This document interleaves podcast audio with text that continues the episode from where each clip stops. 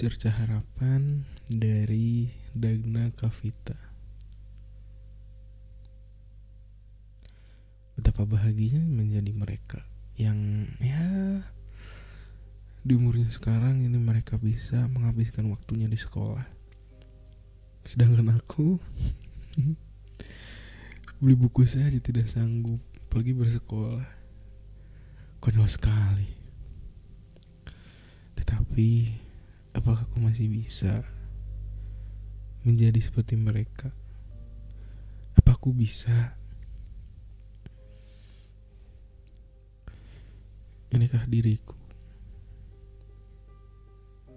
Sudah hampir 16 tahun Namun masih dalam keadaan miris seperti ini Dengan baju yang tak Wajah yang kusam Dan bau badan yang tidak satu orang pun mau berteman dan mendekati aku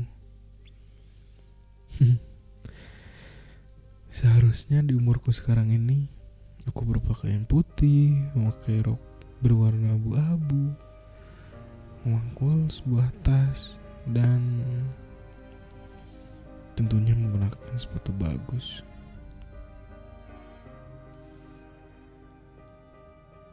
Sudah tidak bisa bersekolah, tinggal ibu pergi, dan sekarang nasibku hanya sebagai seorang pemulung. Apakah tidak ada orang di luar sana yang memedulikan kehidupanku yang miris seperti ini? Mengapa semua orang hanya memikirkan diri sendiri? Bahkan tak banyak orang mencaci makiku dengan kata-kata yang kasar dan mengatakan bahwa aku hanya sampah masyarakat saja. Mengapa? Mengapa dunia terasa tidak adil bagiku? Semuanya tak pernah memedulikanku. Aku hanya sendiri dalam kegelapan. Aku terkurung, aku dicekam, dan aku dikekang. Aku takut sebias cahaya menyinariku. Bermain-main di atas kepala dan memaksaku untuk masuk ke dalam dunia entah berantah itu. Di tengah keramaian kota metropolitan, selalu kesepian hidup di gubuk tua, tak layak tinggal ini. Inikah yang dinamakan hidup? Cih, egois. Dunia ini memaksaku untuk bekerja.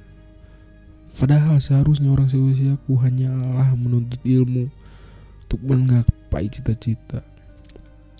Tapi aku, aku hanya seorang anak pemulung yang kesehariannya berada di tumpukan sampah. Ya, tapi apa daya.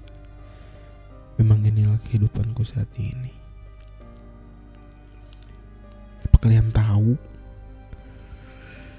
banyak anak sekolah yang lewat di depanku bahkan di depanmu yang seharusnya jam seperti ini sekolah tetapi mereka malah hanya berjalan-jalan mereka bukankah mereka yang seharusnya di saat seperti ini menuntut ilmu di gedung besar itu namun mengapa mengapa mereka hanya berjalan-jalan, tertawa seakan mereka tidak memiliki beban. Sakit hati ini, sakit, miris. Ya, tentu saja miris. Lihat generasi penerus bangsa yang seperti itu.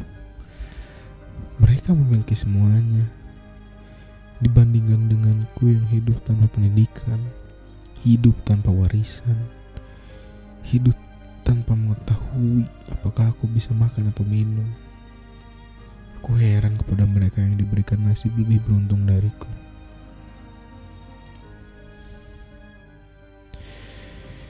Kadang aku berpikir, bagaimana tidak sekarang banyak wakil-wakil rakyat yang meraung, mengumbar janji tak pasti, korupsi di mana-mana. Ya, memang sepantasnya itu terjadi. Mengingat banyak anak bangsa yang moralnya merosot. Bagaimana mungkin jika orang-orang penerus bangsa seperti itu bisa membangun negeri yang indah ini, hah? Ya, walaupun aku mungkin tidak bisa menjadi pemimpin di negara ini, setidaknya aku memiliki semangat dan hati yang tulus untuk membangun negeri.